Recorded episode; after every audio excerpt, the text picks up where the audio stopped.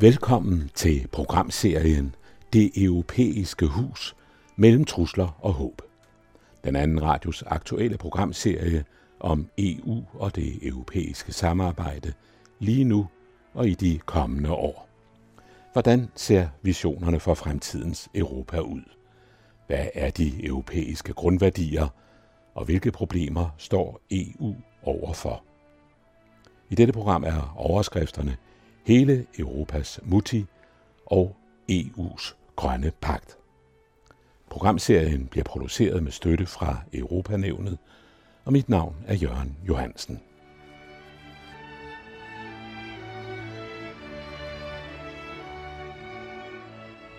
Und so hart das ist, und ich weiß, wie viel Liebe dahinter steckt, wenn Glühweinstände aufgebaut werden, wenn Waffelbäckereien aufgebaut werden, es verträgt sich nicht mit der mit dem Vereinbarung, dass wir zum Beispiel Essen und Verzehren nur zum Mitnehmen nach Hause wirklich vereinbart haben. Es tut mir leid, aber es, es, es tut mir wirklich im Herzen leid. Aber wenn wir dafür den Preis zahlen, dass wir Todeszahlen von Tag am Tag 590 Menschen haben, dann ist das nicht äh, akzeptabel aus meiner Sicht. Und deshalb müssen wir da. Angela Merkel er den mest magtfulde politiker i nyere europæisk historie. Den hidtil ubestridte leder af Europas vigtigste land, og reelt det nærmeste kontinentet kommer en chef. Til efteråret slutter en epoke. Ove Weiss tegner et portræt. Lad være, at hendes parti CDU fik listerlig klø ved delstatsvalgene for nylig i Rheinland-Pfalz og Baden-Württemberg. Jeg præsenterede historisk dårlige resultater begge steder og åbnede flanken for de grønne og Socialdemokratiet ved forbundsdagsvalget til efteråret og lad være, at hun undskyldte over for hver eneste tysker, at hun halvanden døgn tidligere havde besluttet at lukke Tyskland hårdt ned i påsken. Påskevilje kaldte hun det. Det var en fejl, erkendte hun. Det beklager jeg dybt og beder alle borgere om tilgivelse, sagde hun. Så er Tysklands kansler på 16 år, Angela Merkel, dog hele Europas mutti. Hun er den mest magtfulde politiker i nyere europæisk historie, den hidtil ubestridte leder af Europas vigtigste land, og reelt det nærmeste kontinentet kommer en chef. Til efteråret slutter en epoke. Angela var kun få uger gammel, da hendes far flyttede hele familien fra Hamburg imod strømmen til det sovjetkontrollerede Østtyskland – han var ikke kommunist, men tværtimod protestantisk præst. Fordi hendes far var præst i en tid, hvor religion ikke var velset, voksede hun op med at holde lav profil. Familien har været på listen over betænkelige elementer, så det galt om ikke at stikke for meget ud, siger TV2's Tysklands korrespondent Uffe Dresen. Og Angela var en forsigtig pære. Som ung blev hun medlem af Freie Deutsche Jugend, som var det regerende kommunistpartis officielle ungdomsorganisation. Hvis der var noget, man lærte i Østtyskland, så var det at kunne tige stille. Hun har en ekstrem selvkontrol og far ikke ud og siger noget uigennemtænkt, siger tidligere klimaminister og meget andet, Lykke Friis, blandt andet forfatter til bøger om Tyskland. Angela tog efter skolen til Leipzig for at studere og senere til Østberlin for at tage en doktorgrad i fysisk kemi. Her forelskede hun sig i sin medstuderende Ulrik Merkel. Under et besøg i Rusland i 1977 giftede de sig. De blev skilt i 1982, og hun giftede sig senere med professor ved Humboldt-universitetet Ulrik Sauer. Hun har ingen børn og vogter om sit privatliv. Det er karakteristisk, at der på dørtelefonen til parts lejlighed står Sauer. Murens fald i 1989 blev vendepunktet for Angela Merkel. I biografien Angela Merkel, de kanslerinde fyrer alle, fra 2009 siger hun, Straks efter det skete, stod tre ting klart for mig. Jeg ville vælges ind i parlamentet, jeg ville have Tysklands genforening til at ske hurtigt, og jeg ville have markedsøkonomi.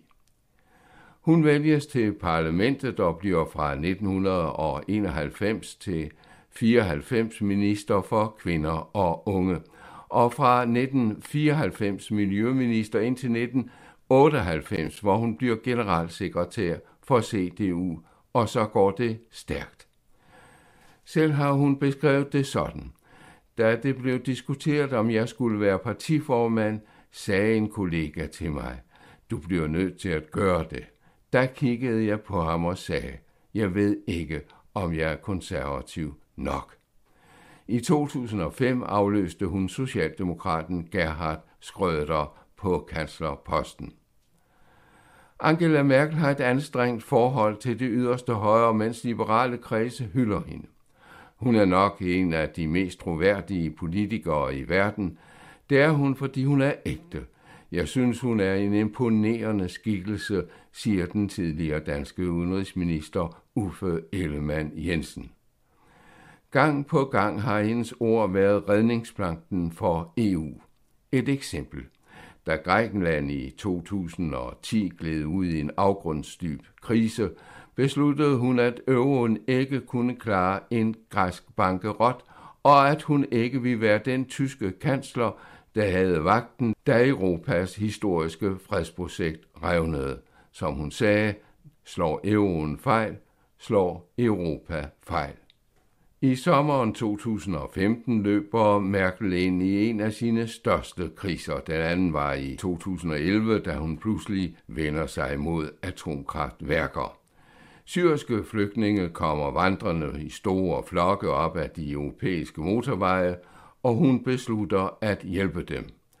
Allerede i sin nytårstale i 2014 gik hun imod indvandrerkritiske demonstrationer, som hun sagde i talen. Jeg siger til alle, som går med i den slags demonstrationer, føl ikke dem, der indkalder til den slags, for ofte er der fordomme, kulde, ja sågar had i deres hjerter.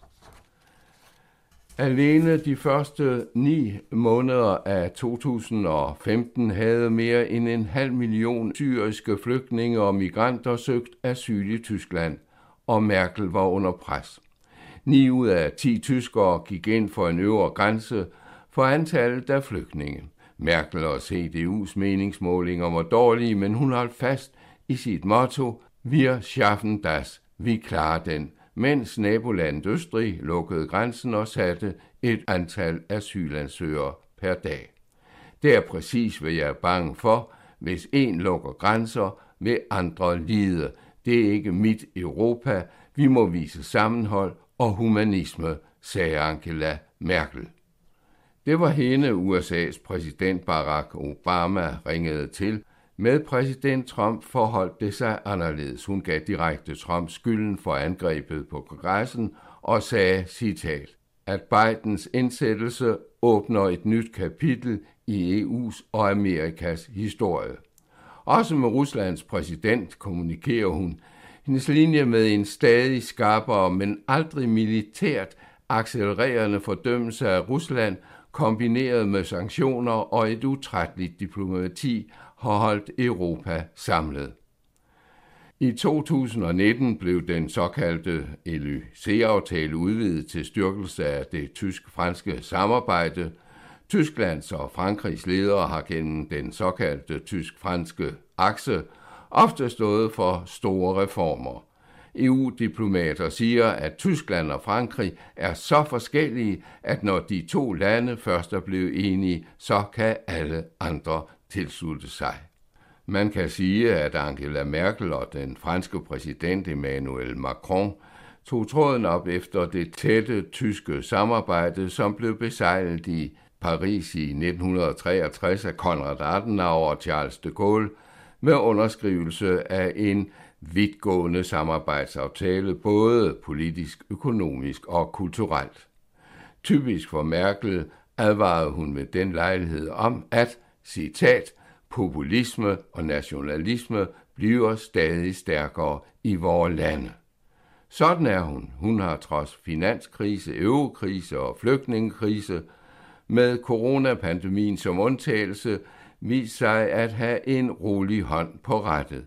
Hun står for det, som Tyskland som nation gerne vil forbindes med, pålidelighed og troværdighed, det hele gennemført uden store armbevægelser.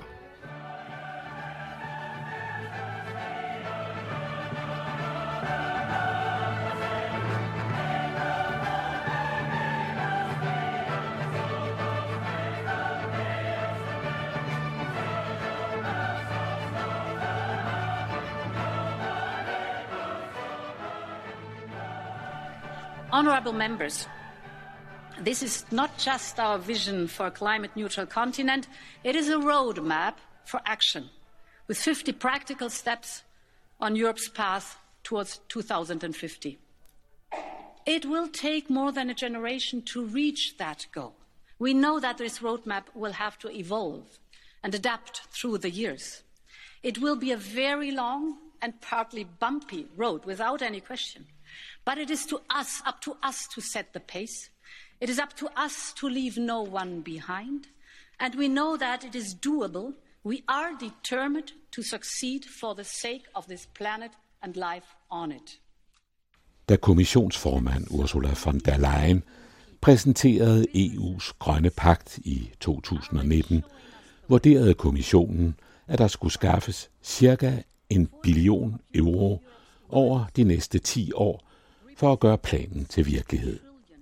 Det svarer til 7,5 billion kroner, og da en billion kroner er 1000 milliarder, siger det noget om det enorme beløb, der er tale om. Men EU-politikerne behøver til syneladende ikke at bekymre sig om vælgernes reaktion. For 93 procent af EU's borgere ser klimaforandringerne som et alvorligt problem. Og dog, en spritny Europabarometerundersøgelse viser, at coronapandemien har påvirket europæerne i en sådan grad, at bekymringen for sundhed kommer på førstepladsen med miljø- og klimaændringerne på en fjerde plads. Ove Weiss orienterer. Well, let us never forget what the cost of non-action would be. Der blev nækket bifaldende over hele verden, og ikke mindst i EU, da Joe Biden som en af sine første embedshandlinger i det hvide hus omgjorde Donald Trumps beslutning og lod USA genindtræde i Paris-aftalen den 19. februar i år.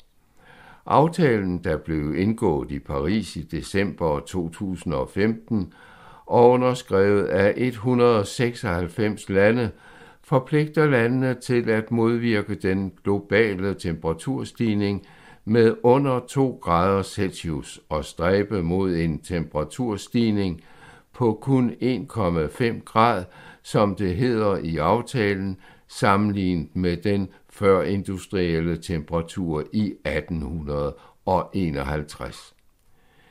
I april fulgte Biden sagen op og indbød 40 af verdens stats- og regeringschefer til et virtuelt klimatopmøde.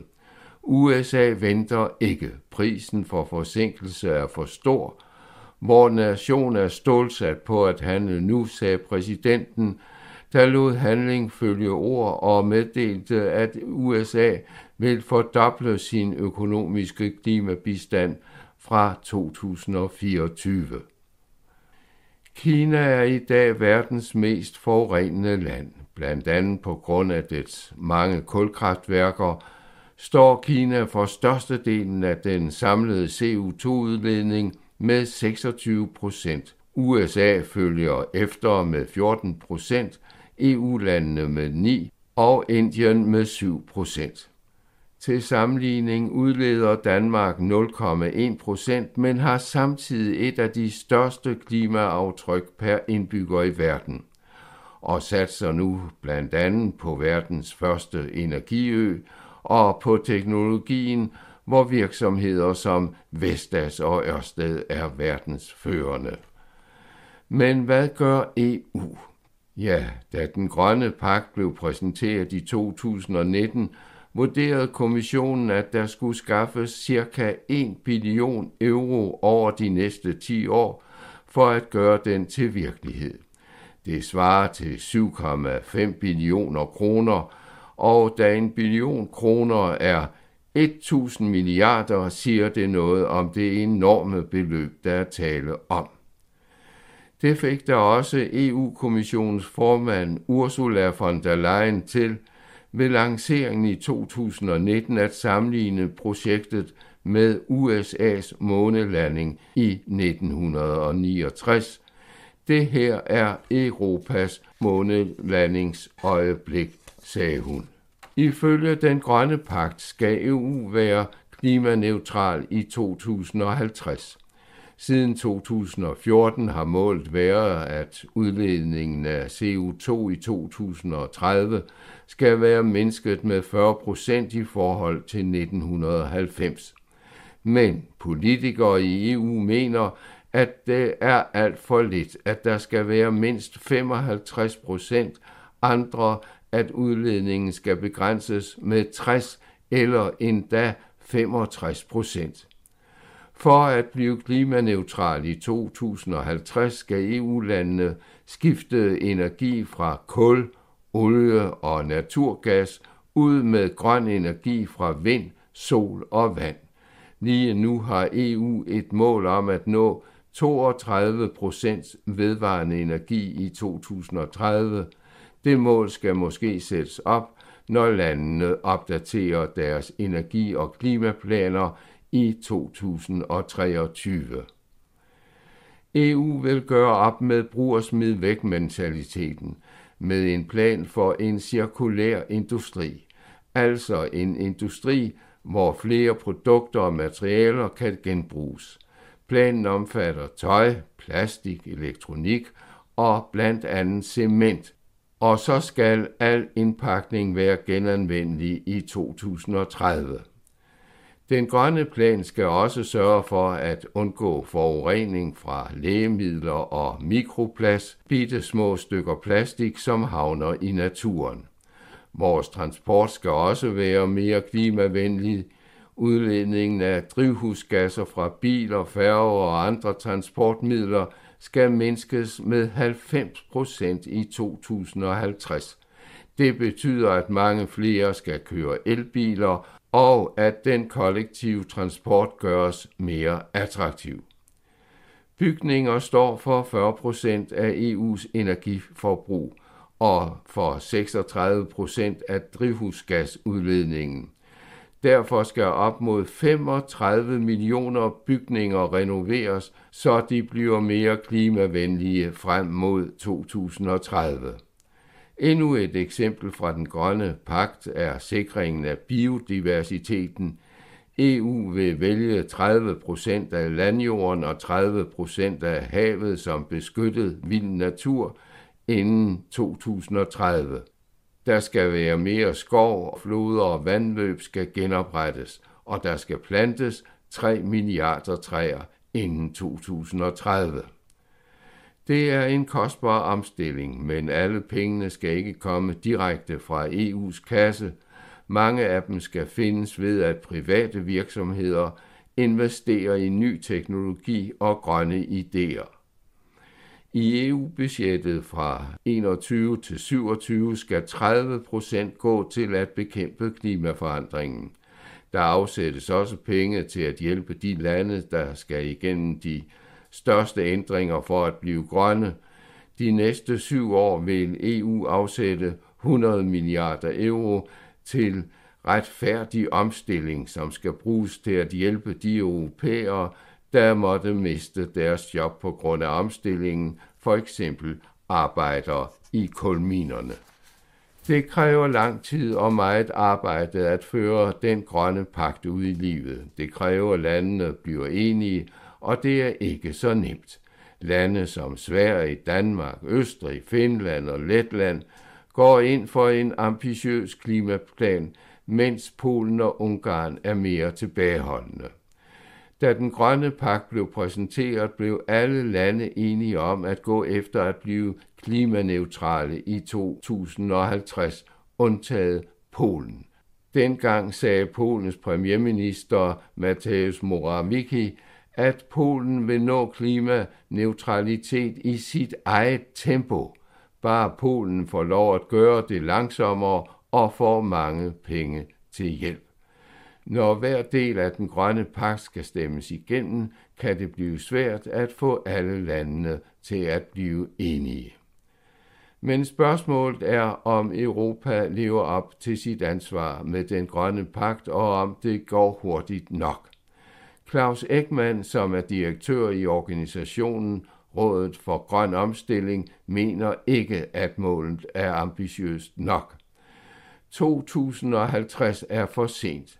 Hvis vi ser på, hvordan vi skal bidrage til vores del af Paris-aftalen, så skal målet nok nærmere være 2040, siger han. Og hvis Europa skal leve op til aftalen, skal vi altså have fokus på den grønne omstilling.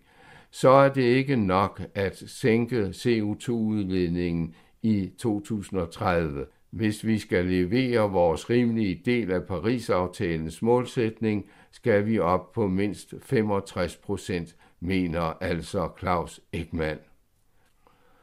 Og ser man på en Europa-barometerundersøgelse fra EU-kommissionen, har politikerne ikke grund til at frygte vælgerne. Europæerne er meget bekymrede over klimaforandringerne og støtter indsatsen for at bekæmpe dem over hele EU. 93 procent af EU's borgere ser klimaforandringerne som et alvorligt problem. 73 procent som et meget alvorligt problem. 92 procent mener, at det er vigtigt, at deres nationale regering fastsætter ambitiøse mål for at øge brugen af vedvarende energi, og 89 procent mener, at den skal yde støtte til energieffektiviteten inden 2030. 84 procent mener, at der skal ydes mere offentlig støtte til overgangen til ren energi.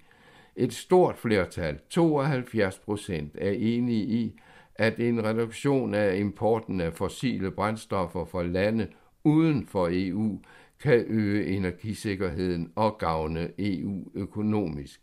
Mere end 8 af 10 svarpersoner, 81 procent, er enige i, at det at udbrede EU's ekspertise i ren teknologi til lande uden for EU kan være til gavn for EU økonomisk. Og 93 procent gør mindst en personlig indsats for at bekæmpe klimaændringerne. Det er flest, der har skåret ned på affald og er begyndt at genbruge mere. Det gør 75 procent, og mange, 62 procent, undgår engangsprodukter, når det er muligt. Alligevel viser en spritny Eurobarometerundersøgelse, at coronapandemien har påvirket europæerne i en sådan grad, at sundhed har fortrængt den økonomiske situation fra førstepladsen. 38 procent nævner sundhed som det vigtigste emne. Det er en kraftig stigning siden sommeren 2020 på 16 procent. Den økonomiske situation er forvist til andenpladsen med uændret 35 procent, mens tilstanden i medlemslandenes offentlige finanser er på tredjepladsen, og først herefter på fjerdepladsen kommer miljø- og klimaændringer med uændret 20 procent. Du hørte Ove Weiss.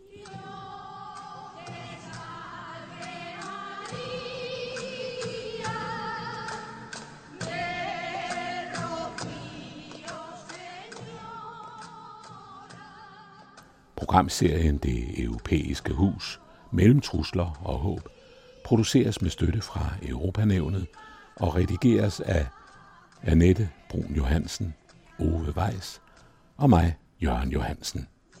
Og vi slutter med Salve Rotiera de Maria del Monte i en optagelse fra bisættelsen af den belgiske dronning Fabiola.